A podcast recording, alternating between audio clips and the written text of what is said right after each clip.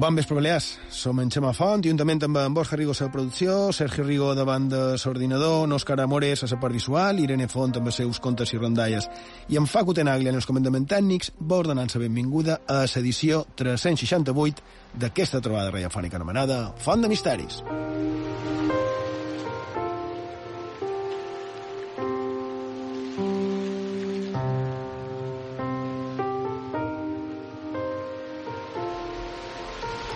Bon vespre, Borja Rigo. Bon vespre. Sergio Rigo, bon vespre. Bon vespre, Xema. Bé, abans que, que se mos oblidi, el proper dissabte, que serà 13 de novembre de 2021, a les 9 del vespre, eh, en lloc de Font de Misteris, hi haurà esports. Així que aquell dia canviam el nostre horari habitual i nosaltres estarem eh, a l'hora, diguéssim, de la nostra redifusió, però en aquest cas no serà redifusió, serà el, el programa normal. La nit, des diumenge en els dilluns a les dues de la matinada. Però ja sabeu que si és un horari que no vos va bé, que cap problema, perquè eh, recordam que ho tindreu al vostre abast a les plataformes habituals que, mm, que Sergio mos dirà que, de fet, Sergio, podries fer sumari i això, i això que tu dius, de on mos poden trobar, com contactar amb nosaltres, per si mos volen dir res, i, i les plataformes aquestes per poder escoltar els programes a, a la carta.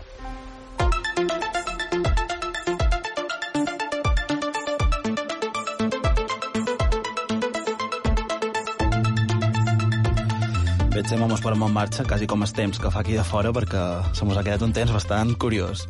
Bé, curiós. Eh, estem a principis de novembre i, i què vol que faci? Ja, ja. I d'això? Bé, i d'anar amb tot el que tenim en aquest programa 368 de, de Font de Misteris. Començant la edició amb una notícia molt sorprenent que pot canviar la història. Ha aparegut la figura d'un fantasma o un relleu de fa 3.500 anys. Què hi ha darrere? Ara ho comentam.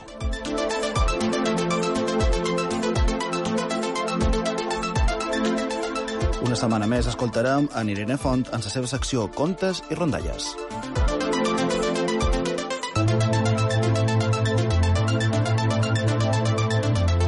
I per acabar el programa, Samà serà un altre protagonista del dia. Coneixeran diferents casos, llegendes i successos on la mà podrien dir que no ha fet forat ni ha tapat. És possible? Com es conten les antigues cròniques?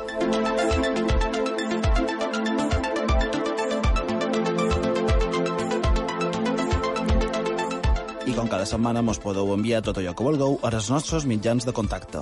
Ho podeu fer per WhatsApp i Telegram. El número de telèfon és 659 769 52. Ho repetim, 659 769 52. També ho podeu fer per correu electrònic. Apuntau fontdemisteris arroba ib3radio.com. Ho repetim, fontdemisteris arroba ib3radio.com. També mos podeu seguir a les xarxes socials. A Facebook i Twitter ho podeu fer cercant Font de Misteris. També a Instagram, allà mos trobareu cercant Font de Misteris i Vetres. I ja sabeu també, si voleu, podeu recuperar tots els nostres programes d'aquesta desena temporada i de les anteriors, podeu fer el servei a la carta d'IV3 Ràdio, a ib3radio.com, a les diferents plataformes de podcast i a la nostra plana web, fontdemisteris.com.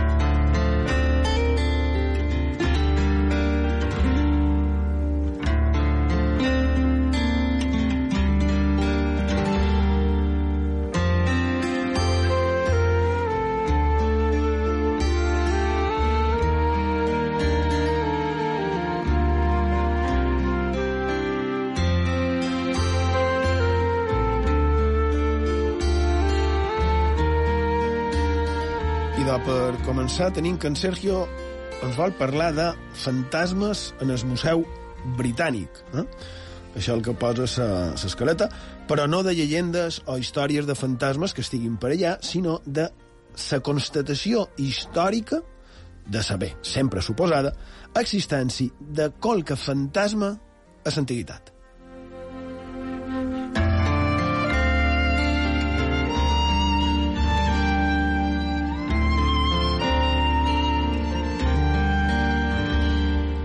Ho he especificat perquè, evidentment, com sol passar en llocs així, com és el cas d'aquest museu, del Museu Britànic, també hi hauria les seves històries de fantasmes que, en aquest cas, si me permeteu, la, la contaré. En aquest cas, es diu que el fantasma, la fantasma, com es deia antigament, estaria relacionada amb una, una sacerdotisa de per d'haver l'any 1000 abans de Crist. Eh? És una història d'una maledicció. Clar que sí, com ha de ser.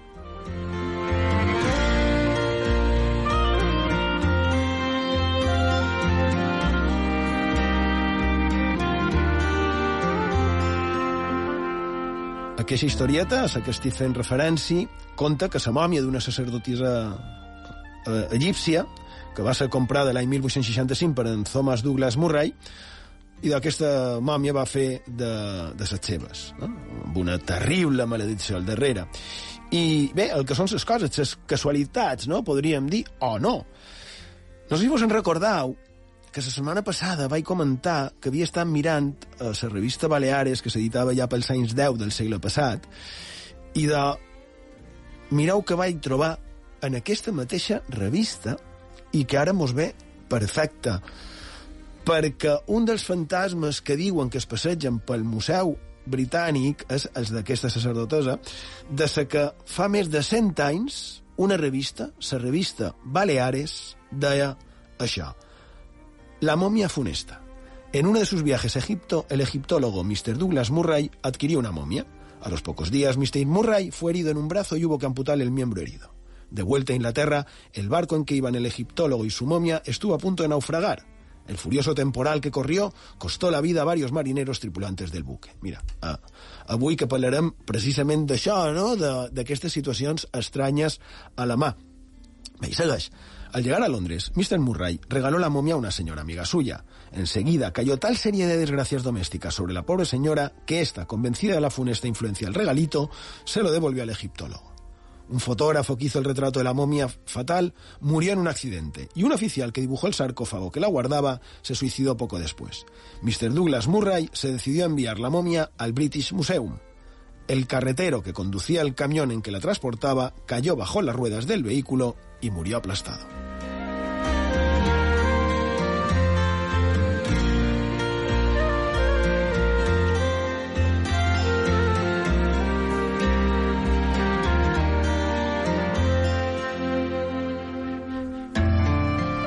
Tantos desdichados sucesos, tantas desgraciadas coincidencias, valieron a la momia en cuestión una respetable fama de mala pata, que també vaya manera de definir-ho, no? Aquestes desgràcies que han dit mala pata.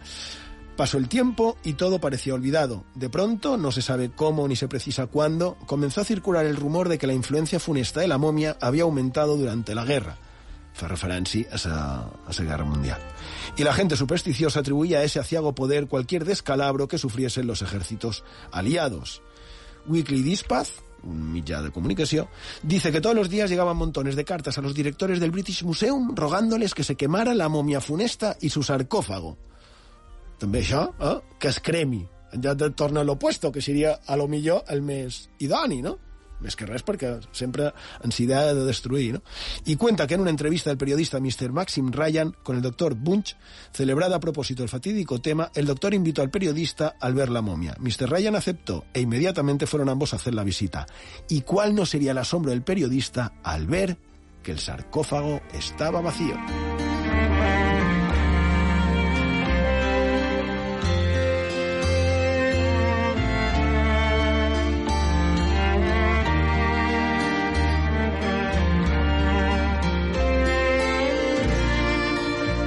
Conclou. Mr. Ryan publicó en su periódico lo que había visto con sus propios ojos, pero la imaginación popular no se ha dado por vencida. Creía pies juntillas en la momia y en su maléfico influjo. I ho ha cercat, i resulta que a premsa actual encara surt a dia d'avui que hi ha qui creu, com ha dit, que aquella mòmia d'aquesta dona, més d'un segle després, encara compareixeria pel museu.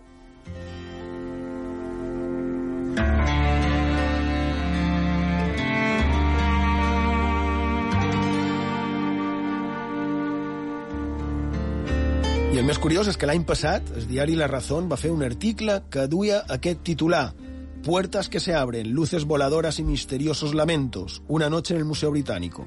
Los guardias de seguridad del emblemático edificio notifican sucesos paranormales en los pasillos durante la noche. Article del diari La Razón de, del 2020. I, clar, ho atribueixen en aquell fantasma i també a altres, clar, perquè, perquè més hi ha un bon grapat de suposats fenòmens estranys que s'haurien reportat des d'aquest museu. Però tot això, a part de que sigui o no casualitat, que hi hagi o no la possibilitat de que existeixin les malediccions, tan vinculades també, no?, les mòmies egípcies, i de part d'això, Sergio, vols parlar d'un cas de fantasma encara anterior fins i tot, ben probablement, en aquesta mòmia egípcia, i jo crec que també podem dir que fins i tot més curiós de tot això que, que he contat, no? I doncs, efectivament, avui volem comentar una curiositat molt interessant que hem conegut fa uns dies i que una vegada més reescriure la història i pensàvem que és fascinant. Alguns mitjans de comunicació, com The Guardian, se feien ressò d'un descobriment. El titular era molt clar, el dibuix més antic d'un fantasma trobat en el Museu Britànic.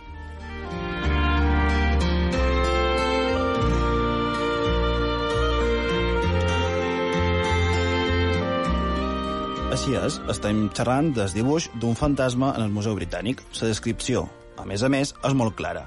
S'ha identificat un esperit barbut, solitari, que un amant condueix en el més enllà, i tot això a una antiga tauleta d'argila babilònica de fa uns 3.500 anys.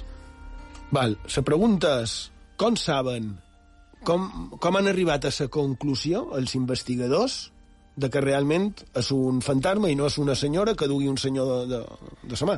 Idò, perquè aquesta representació formaria part d'una guia d'un exorcista, atenció, per desfer-se dels fantasmes no desitjats. De fet, segons la interpretació que fa Irben Finkel, un dels majors experts en interpretació del uniforme, el fantasma se'l mostra caminant amb els braços estesos, els canells fermats per una corda aguantada per l'altra figura, Samant, i acompanyat tot això d'un text que detallaria, detallaria perdó, un ritual que, que l'enviaria a l'inframont. Que vos pareix?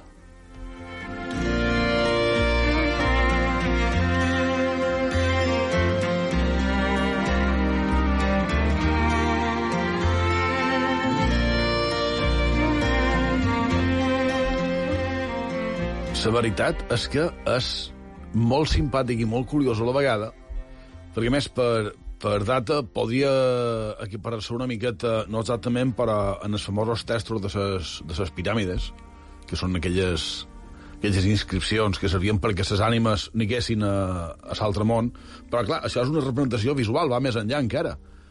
Per tant, encara és més, és més simpàtic. Exacte. Ma, I, ma... I curiós també, perdó, eh, la imatge de, del fantasma en els braços estesos, que a temps moderns s'ha seguit mantenint en certes representacions, també. Sí, fins ara ja no tant. Jo no, cre no crec que les noves generacions els, els uh, pensin així, no? Igual que tampoc els sonàmbuls. No, no jo ja, crec que no. Ja Però no. sí, sí entenc la imatge que diu en Borja. Sí. sí també m'ha cridat l'atenció que sigui un fantasma barbut. I no ho dic per jo, ho dic perquè uh, Ni bon Borja. Tampoc. Uh, perquè en Finkel aquest, aquest investigador, precisament, cercau-lo a, un, a un cercador, aquest Finkel, eh? F-I-N-K-E-L, perquè és, és un senyor també ben... Aquest sí que és un senyor ben barbut, no? Però té, té lògica, perquè els babilonis de sèrie eren barbuts. Sí, però... El manco se'l prenen com a tal. Això sí, però és vera. Sí, solen estar representats sempre en barba. Mm, el tema és que aquesta, aquesta tauleta, aquesta tablilla, que du que té això, 3.500 anys, una cosa així, mm, com pot ser que, que fins ara no s'hagi desxifrat? I dos, The Guardian i en Finkel també també ho expliquen. El dibuix s'hauria perdut perquè el fantasma només resorgeix, curiós això, quan se veu des de dalt i davall de la llum. Per això ningú s'havia fixat.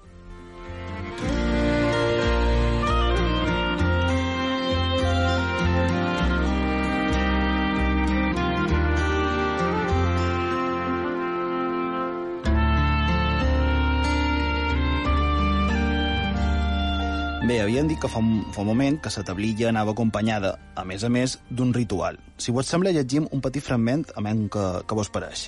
El ritual, diu, el test, consisteix en fer una figureta d'un home i una dona, i diu, vesteixes a l'home i l'equipes amb provisions de viatge. A la dona també en quatre peces vermelles i un drap morat. Li regales un formall d'or i l'equipes amb un llit, una cadira, una estora i una tovallola.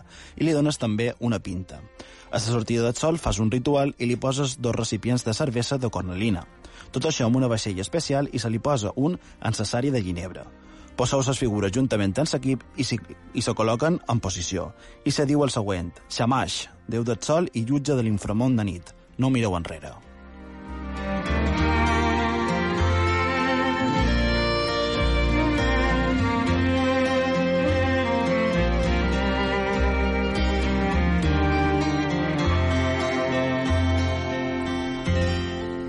I això que és veritablement fascinant pels que seguiu el programa, pel que vos agrada la història antiga i el que sou una miqueta inquiets, ja sabreu que no és Sergio, el primer cas de troballa de fantasmes a antiguitat. Sí, sé, certament, Xema, perquè, ja ho has dit, en la doctora Vázquez hem parlat moltes vegades sobre aquest tema, i a 2014 van poder gaudir d'un curset d'estiu seu que precisament se deia Fantasmes i fenòmenos incomprensibles i poc habituales a lo largo de la història. Un curset que es va dur a terme a la Universitat Nacional d'Educació a Distància, a la, a la seva delegació, a la seva seu d'aquí de les Illes Balears, que nosaltres tan propiciam precisament per cursets com aquest, no? que fa eh, 6-7 anys eh, la treball que fes aquest, amb aquest títol de, de fantasma, i, i que va molt més de, del que sembla darrere d'aquest curset. I, I ho dic perquè precisament ho vaig estar comentant i, i m'ho va recordar la setmana passada ella, la doctora Ana Maria Vázquez Ois, quan vàrem estar comentant aquesta troballa que mos has explicat, Sergio, i, i ella, en el seu curset, parlava precisament de fantasmes de l'antiguitat i va rebre crítiques per part de companys seus, d'altres membres de, de, de la universitat. I, I va rebre crítiques per, precisament per tractar aquest tema. No? I ara s'ha dit això, es fa públic i, i tothom content, no? Curiós. Curiós, o ella també amb això va ser una adelantada?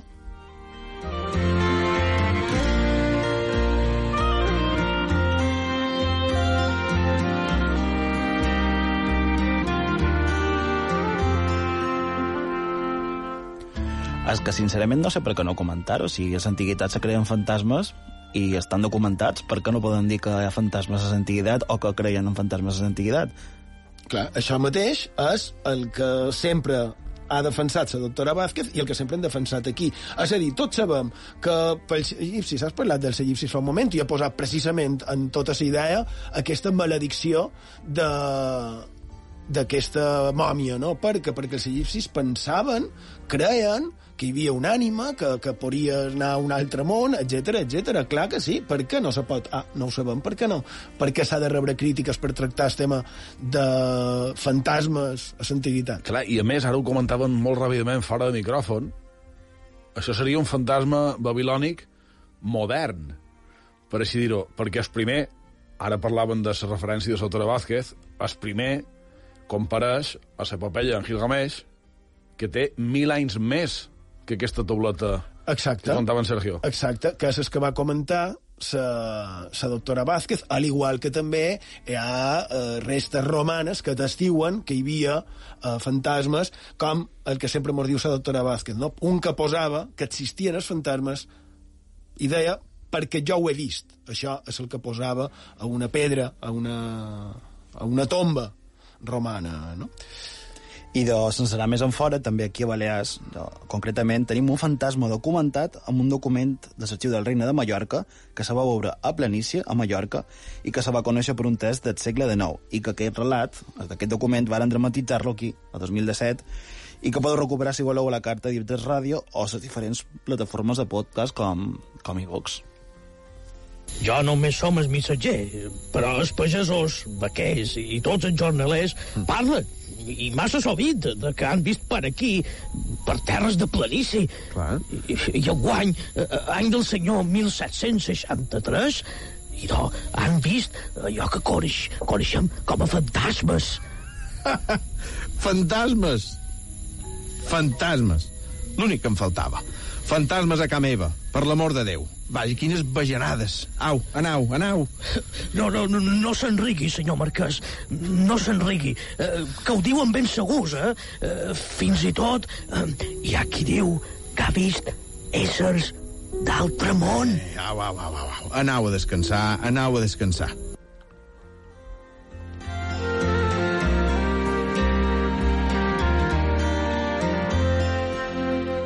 Jo, més que descansar, confito a l'audiència que continuïn altres, perquè ara venen coses encara ben interessants. Uh, sí, també, també és vera. Bé, és que hem escoltat un bocí d'aquesta dramatització que, com ha dit en Sergio, vàrem fer l'any 2017. Hem escoltat seus veus dels polifacètics i homos renaixentistes, tots dos, en Xavi Canyelles, eh, i en Toni Escanelles, que, que varen col·laborar en, en nosaltres per poder fer aquesta dramatització basada en un text històric que es conserva a l'arxiu del Reina de Mallorca on el cronista oficial del Reina de Mallorca, en Bonaventura Serra, hauria recollida no? aquesta història de, crec que era del Marquès de la Romana.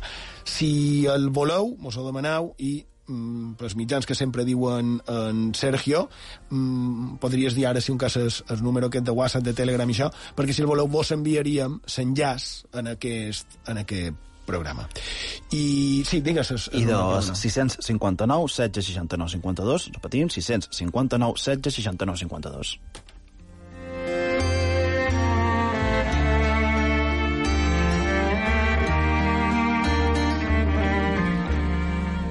I doncs, si vos pareix, feim una petita pausa i tot d'una continuem aquí a Font de Misteris parlant d'estranyes situacions a la mà.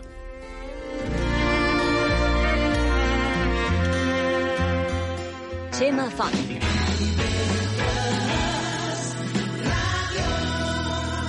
Font de misteris.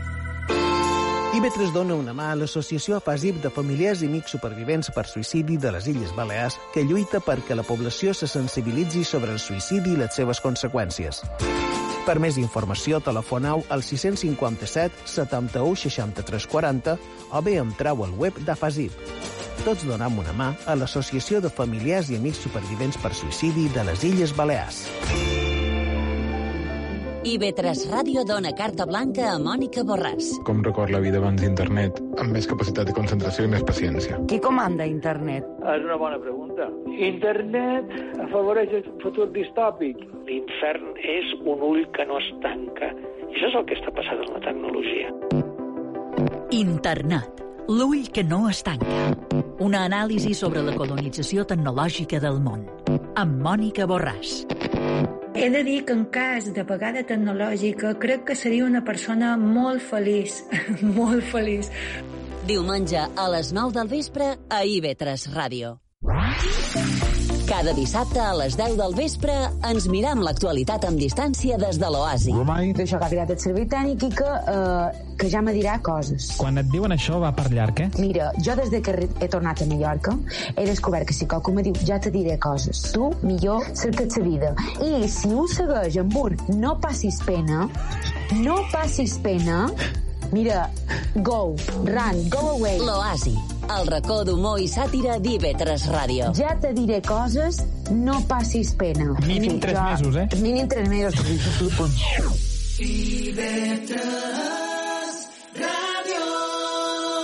És història.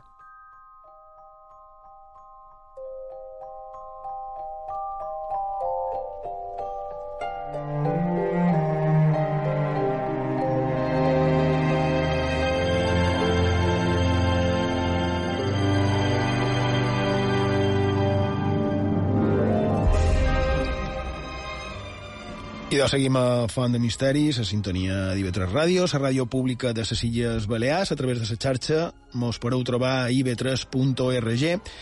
I per començar amb el tema d'avui, ho feim en la secció que nosaltres anomenem Contes i Rondalles, on cada setmana en Irene Font mos du qualque conte, qualque historieta, qualque llegenda o, o semblant que pel motiu que sigui li hagi cridat l'atenció. Bon vespre, Irene. Bon vespre, Xema. Benvinguda. Què mos dus avui? Bé, per aquesta setmana duc una que vares titular Rosetta Galdeano. Aquesta ha estat estreta. Bé, això no me deixes dir perquè és un llibre teu, però el que sí que puc dir és que inicialment està basada en una història que va ser trobada per un bibliotecari anomenat Francisco Aristoy Santos, a un antic pergamí, a uns arxius a Madrid. Una bonica i a la vegada desconeguda llegenda que explicaria l'origen del nom de Cala Galdana, a Menorca.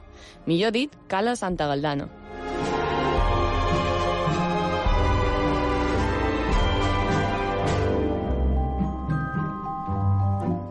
Fa molt d'anys, els pagesos de mitjorn de Menorca contaven que per allà hi habitava un home, anomenat Ludovico Galdeano, i la seva filla, Roseta. Tots dos vivien en unes condicions molt precàries i humils, a una caseta a la cala, vora la mà. La seva arribada a l'illa, precisament el tema del programa d'avui, mm, va ser molt faresta. tots dos, pare i filla, caigueren a la mà des d'una embarcació que s'enfonsava enmig d'una terrible tempesta al canal entre Mallorca i Menorca. Afortunadament, varen poder ser recollits d'entre les terribles ones per un mariner que, que es va veure mentre tractava d'allunyar-se de, de la tempesta amb una barca amb rems. Un cop que aconseguiren trobar-se damunt l'embarcació, varen pensar que ja estaven salvats, però un inesperat cop d'aigua li va prendre un dels rems al mariner. No el podien perdre, així que aquell salvador desconegut, aquell mariner, en un acte reflex s'aixecà per guaitar per la borda per tal d'intentar recollir-lo, però amb tanta mala sort que una altra ràpida i ferotge ona el va fer caure fora de la petita embarcació.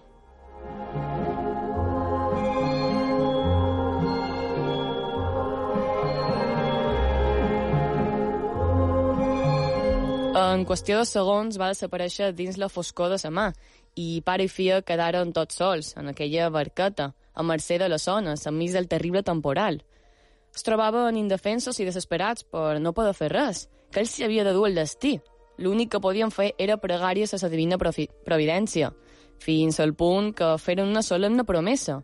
Juraren que si es salvaven, dedicarien la resta de les seves vides a fer oració amb vot de pobresa, que durien una vida eremítica allunyats del món. I bé, arribar el dia següent i es trobaren que eren sants i estalvis. La corrent se'ls havia fet entrar dins una cala. Allà la mà era tranquil·la, no hi havia cap ona que recordés la terrible nit passada. I a poc a poc la seva barqueta, moguda per una suau brisa, va anar atracant-se a la platja on hi havia un grup de pescadors que la nit anterior van trobar refugi allà mateix. Quan aquells homes els veieren, solidàriament varen córrer a donar-los auxili. Per a ells havia estat com un miracle.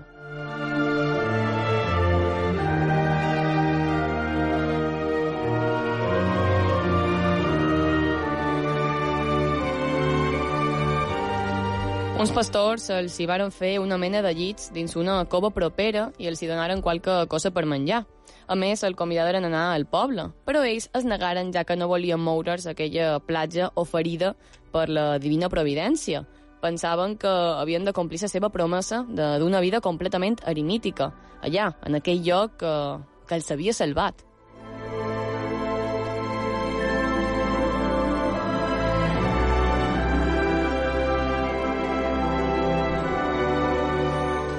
Galdeano, abans de que aquelles gens partissin, va treure una bossa de pell que tenia amagada dins l'abric i va repartir entre tots els que li havien ajudat les monedes d'or que tenia.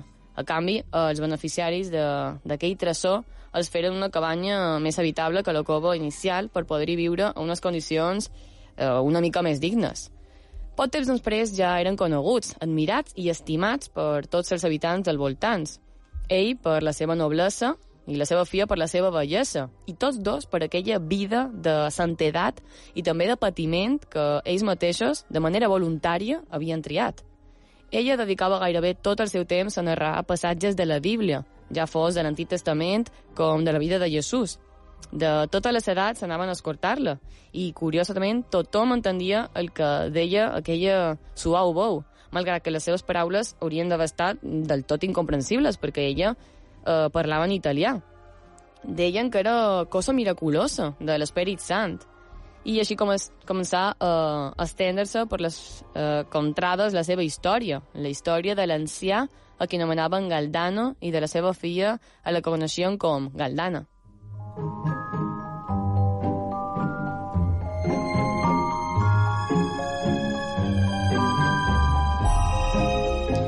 Un dia, entre totes aquelles gens que anaven tan sovint a visitar-los i a escoltar les seves històries, hi havia un nin que tenia un braç rígid i tort. La mare li explicava a Lota que tenia així per molt d'una caiguda, però que ningú no havia pogut fer res per arreglar-li-ho. Quan Galdana se va acostar a l'infant, mentre li deia frases tendres i amables, li moga el braç i li col·locà sense fer-li gens de mal. Tots deien que havia estat com un miracle.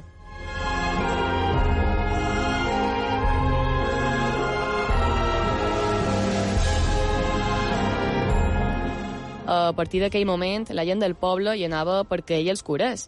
I, per si no fos suficient, varen començar a sortir per tot arreu unes floretes oloroses que, que feien que aquell, que fins feia ben poc havia estat un inhòspit indret, s'hagués convertit en un joc miraculós, suggeridor i ple de misteri.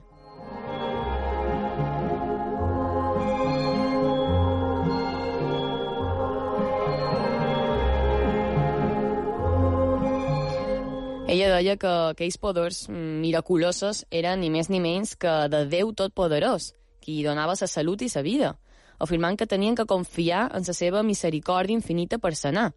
Per un dia, la, la pau va ser pertorbada en aquella caleta menorquina.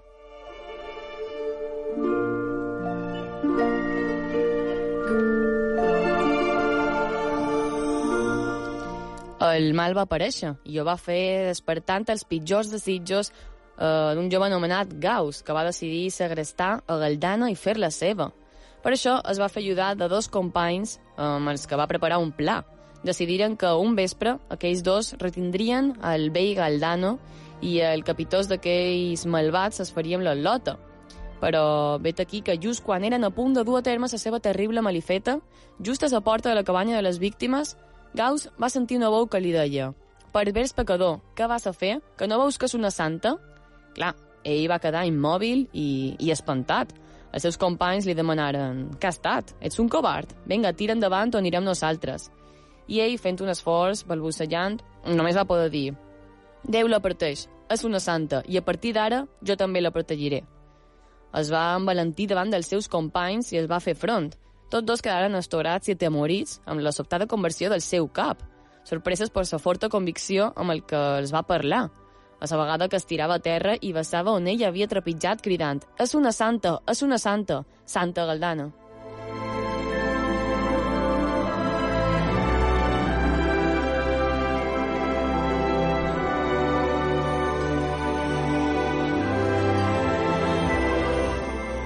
Quan la gent del poble es va assabentar del que havia passat, ho varen veure com la confirmació del que ja pensaven, que era una santa i Déu l'havia salvada. Va continuar amb les sanacions i curacions, pregant per tots els que acudien, fins i tot curava animals. També les embarassades anaven a visitar-la com si fos un pelegrinatge. Anava gent no tan sols de Menorca, sinó també de Mallorca. Li duien ofrenes i regals que ella de seguida repartia entre tots, perquè ella igual que el seu pare, continuava fidel a la seva promesa feta a la Mare de Déu de dur una vida de pobresa total. I a canvi d'aquella feixuga vida que voluntàriament havien triat, no tan sols el seu aspecte no havia empitjorat, en el contrari, perquè deien que semblava una criatura baixada directament del cel.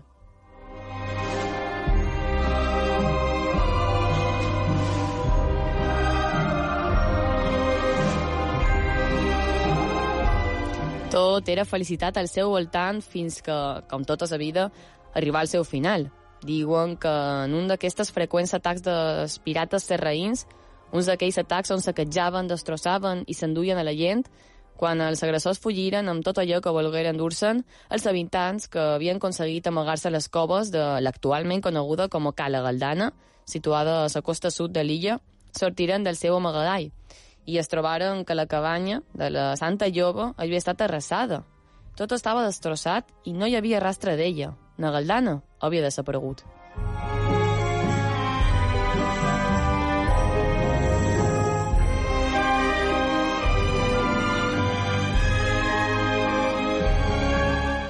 Tot el poble estava convençut de que era impossible que hagués estat feta captiva o violentada pels pirates, ja que es deia, i encara es diu, que per la seva constant protecció divina, uns salges baixaren del cel i se l'endugueren.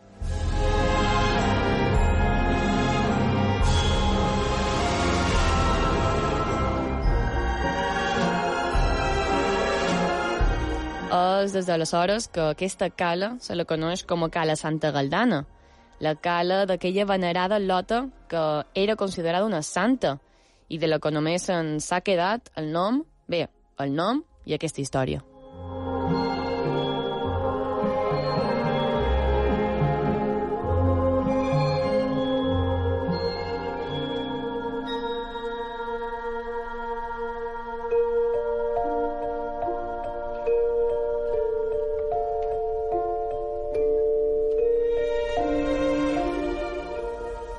Crec que poc tenc que afegir. Irene, moltes gràcies. Gràcies a tu, Xema, i fins la setmana que ve. On la història es torna llegenda, a on el més quotidià es torna màgic. Acompanya'ns a la nostra font de misteris a IB3 Ràdio.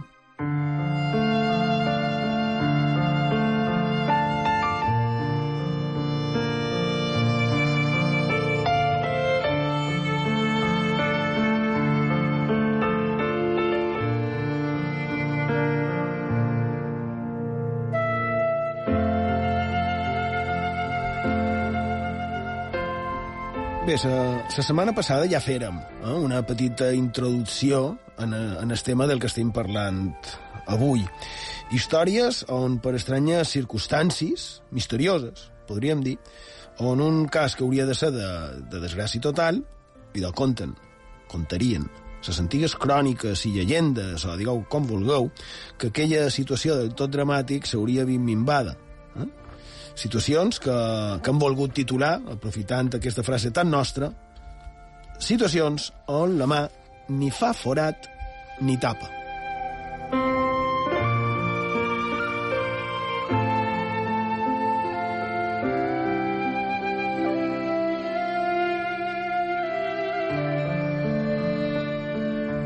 Crec, Borja, que perseguint aquest tema li volies pegar cap a un dels nostres, podríem dir, personatges preferits, que és en, en Pere Borguny, que, que, per cert, no és beat, és venerable, crec. O sigui, per fer sant a, a qualque persona, primer se li, di, se li fa o se li diu venerable, després beat i ja després sant. I de, aquest, de moment, crec que és tan venerable, i no estic segur però tem per mi que el seu procés de beatificació se va aturar quan en Napoleó va fer-se amb el control d'Espanya. De, és a dir, que si a l'època d'en Napoleó no s'hagués aturat aquest procés d'en Borguny, podria ser que ara tinguéssim un altre sant i llanc. Eh? En qualsevol cas, tragèdia a la mà i Pere Borguny, Borja Rigo. I doncs sí, sobre aquest curiós tema hi ha també referències en aquest cas, en el llibre sobre la vida dels màrtirs, perquè això sí que ho va ser, de fet va començar com a heretge i després ja va ser considerat màrtir, en Borguny, publicat l'any 1820 per eh, Josep Barberi. En Borguny, eh, recordem, mallorquí del segle XVII, que tant va patir a ser capturat en tres ocasions pels pirates d'Argel i, finalment, cremat viu a la foguera. Una de les històries, diu en Barberi, ve d'una carta que va escriure en Ferran Alart l'any 1775, on conta que va rebre certa informació d'un patró falanitxer. Aquest home, en certa ocasió, se va veure mentre navegava perseguit per dos o tres vaixells argelins i de sobte se va veure alliberat de la seva presència, crea, per dur a bord, a la seva nau, algunes relíquies precisament d'en Pere Borguny. Una altra història que recull el llibre va veure sa llum durant un judici, durant una declaració jurada a càrrec de ni més ni manco que Nonofre Barceló, el fi del mític capità Barceló l'any 1778. De fet, Nonofre va exposar no una història, sinó dues. Diuen així.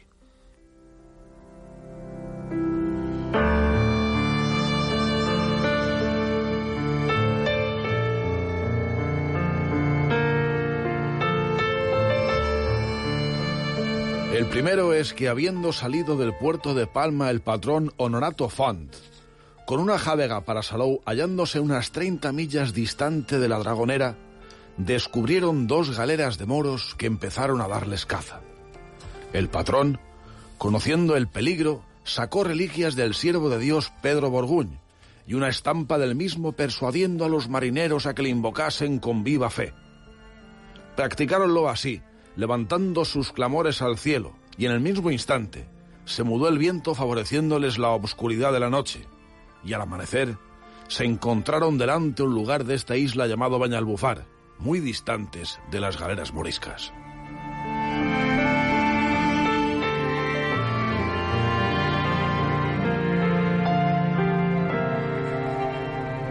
El segundo caso es que habiendo naufragado el patrón Antonio Gazá en las Islas Terceras, se embarcó en un navío portugués el cual hallándose en la vista de Portugal fue embestido por tres de moros y se trabó la más reñida contienda. Uno de los que pelearon con más valor fue el referido Gazá, a quien los enemigos intimaron diferentes veces la rendición, pero éste les respondió que no los temía, porque llevaba consigo reliquias de Borgoñ. Con esta confianza peleó desde las siete de la mañana hasta puesto el sol, en cuyo tiempo le tiraron varios balazos que no le causaron el menor daño. Consiguió igualmente apagar el fuego que había prendido en la vela mayor, y fue el que más contribuyó a destrozar a cañonazos a los contrarios invocando siempre el patrocinio del siervo de Dios. Fue tal el estrago de este combate que de 300 hombres que se componía la tripulación portuguesa, solo 15 quedaron vivos y de los moros murieron pasados de 400.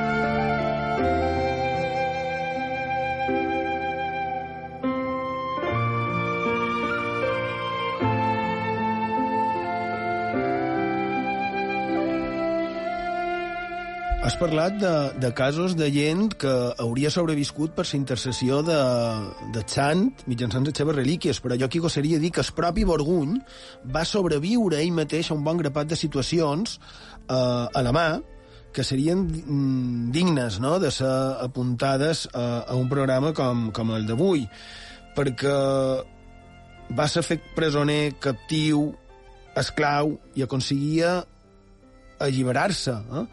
Per això sí, finalment, com has dit, va, va morir el gel, cremat, però no té res a veure que, eh, la seva mort amb el tema d'avui perquè va ser cremat per haver apostatat de la religió islàmica que abans en Borja dit lo d'heretge, evidentment, perquè ell va dir que es convertia a l'islam per ser alliberat en una d'aquestes ocasions que va, va ser esclavitzat, però es van penedir i, clar, quan ho rebutjà, quan va apostatar de la fe islàmica, la seva condemna va ser queixa, la mort a la foguera.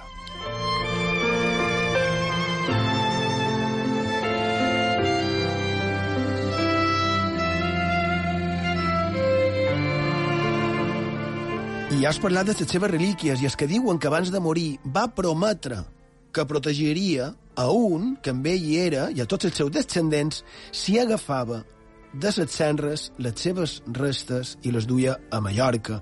I així ho va fer aquell, el seu company de captiveri, un corsari anomenat Già, que, per cert, diuen que mai més va tenir problemes d'aquell tipus ni ell ni els seus descendents fins a dia d'avui, tal i com li havia promès el venerable Pere Borguny.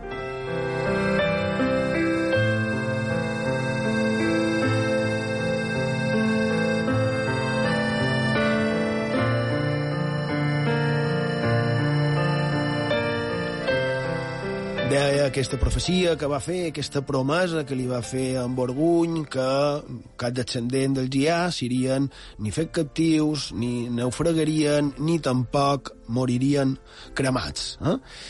I mm, aquesta promesa feta per Borguny mos du un altre dels nostres personatges favorits. Mos du a la biografia del pare Catany, on mos trobam això, Por antigua tradición de nuestros antepasados, tenemos que tratando el padre Catañ de fundar un convento en la isla de Menorca, algunos frailes, temiendo mucho los peligros del mar, estorbaron esta fundación, los cuales, después de hecha por él una promesa que ninguno jamás, pasando a Menorca por obediencia, peligraría entre las olas del mar, convinieron al deseo del venerable padre.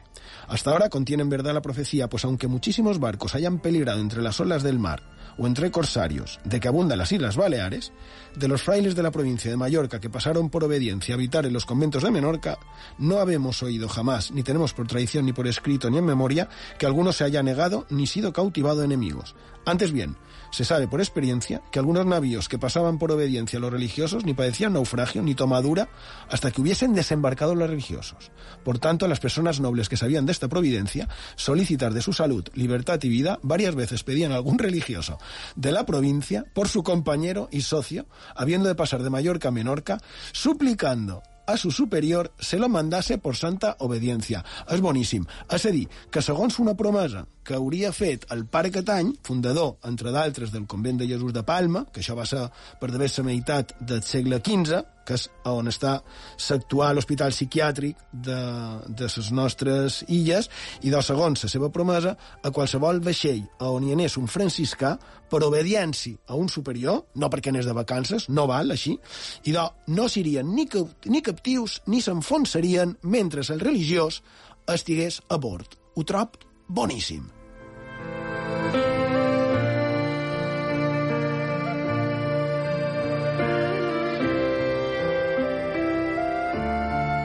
I a la seva biografia, d'en Catany, de l'any 1851, d'en Furió, ens trobam eh, també això referit a exemples de on no hauria passat res gràcies a aquesta promesa feta pel pare Catany. En confirmación de lo que dijo el bendito padre Catany, de que los frailes que pasarían por obediencia de Mallorca a Menorca no peligrarían en el mar, referiré lo que sucedió cerca el año 1762. Hallábase de visita en Menorca el ilustrísimo y reverendísimo señor don Lorenzo de Spuch, y habiendo volver a Mallorca le fue dicho que se veían corsarios moros. Y él, acordándose de la profecía que había hecho el padre Catañ, envió al reverendo padre guardián del convento de Jesús de Mahón para que mandase un religioso el que le pareciere y lo acompañase a Mallorca. Lo mandó por santa obediencia, el padre guardián, a un padre lector y a un religioso lego. Van dos.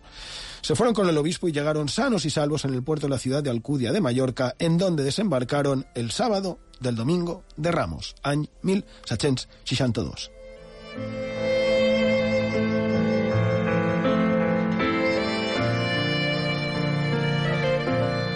I aquí hi ha una errada amb el nom, perquè diu que era Lorenzo, i segons la descripció, el nom era Antoni Despuig, el cardenal Despuig, porque més ho defineix bé, uno de los prelados más eminentes por sus letras y virtudes que ha tenido esta diócesis.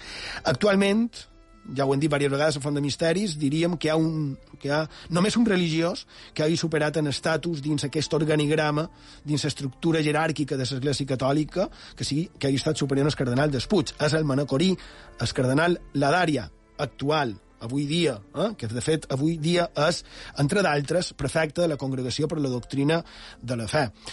I de aquest despuig tan important afirmava, segons en Furió, que la promesa d'en Catany era certa. Jo crec que estaria bé fer-li un seguiment també en aquesta profecia.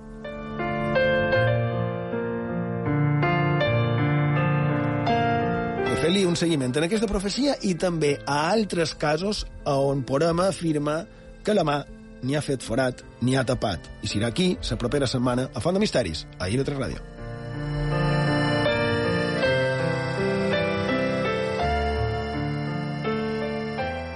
Xema Font.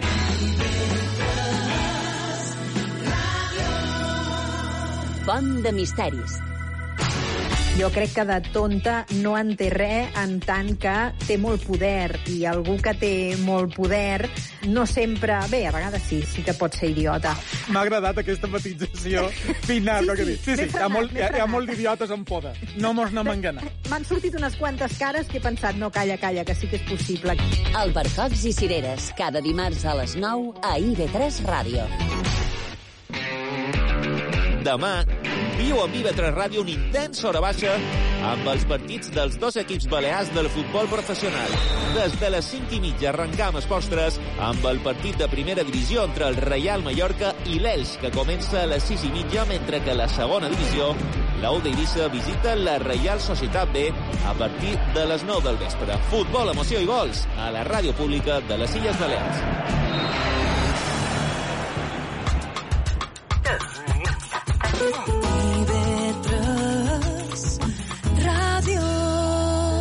Es memòria.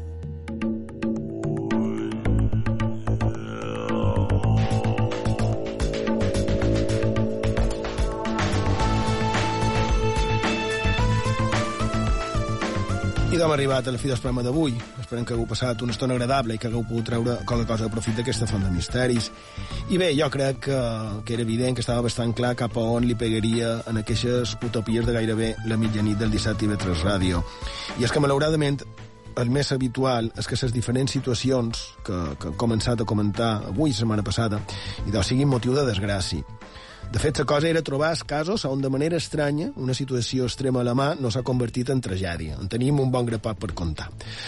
Però la realitat és més prosaica més això, més real. I és que sabeu, massa tragèdies hi ha relacionades amb aquesta mar que, que ens rodeja, massa. Fa anys, molt segons ho mirem, quan les illes, les nostres illes eren pobres i no hi havia menjar per a tothom, i és que convendria saber una mica més d'història, que he dit. I els antics illencs, els nostres besavis, havien d'emigrar per tractar de sobreviure. Molts, és cert, aconseguiren no? arribar-hi, i altres directament es van quedar pel camí. Se'm ve al cap ara un que vaig trobar cercant informació del primigeni equip de futbol, eh, l'Alfonso XIII, que, que ara és Mallorca, Era un jugador que a premsa va sortir que havia d'anar a Centroamèrica i va desaparèixer quan el naufragi del mític Valvanera. Fa 102 anys d'això.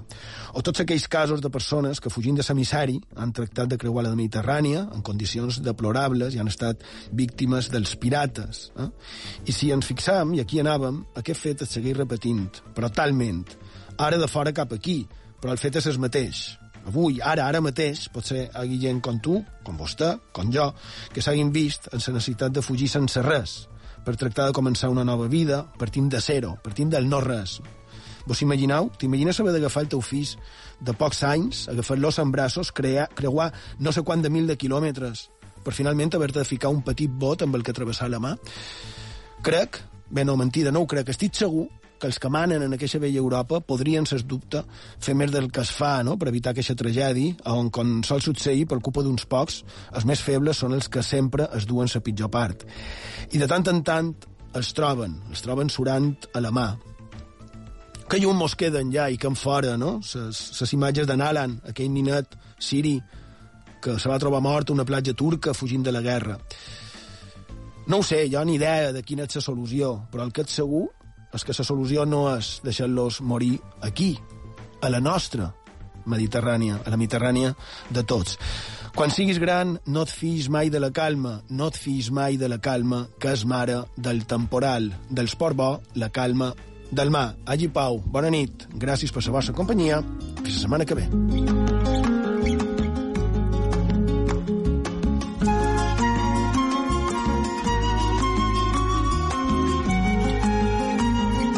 Quan jo en tenia quatre anys,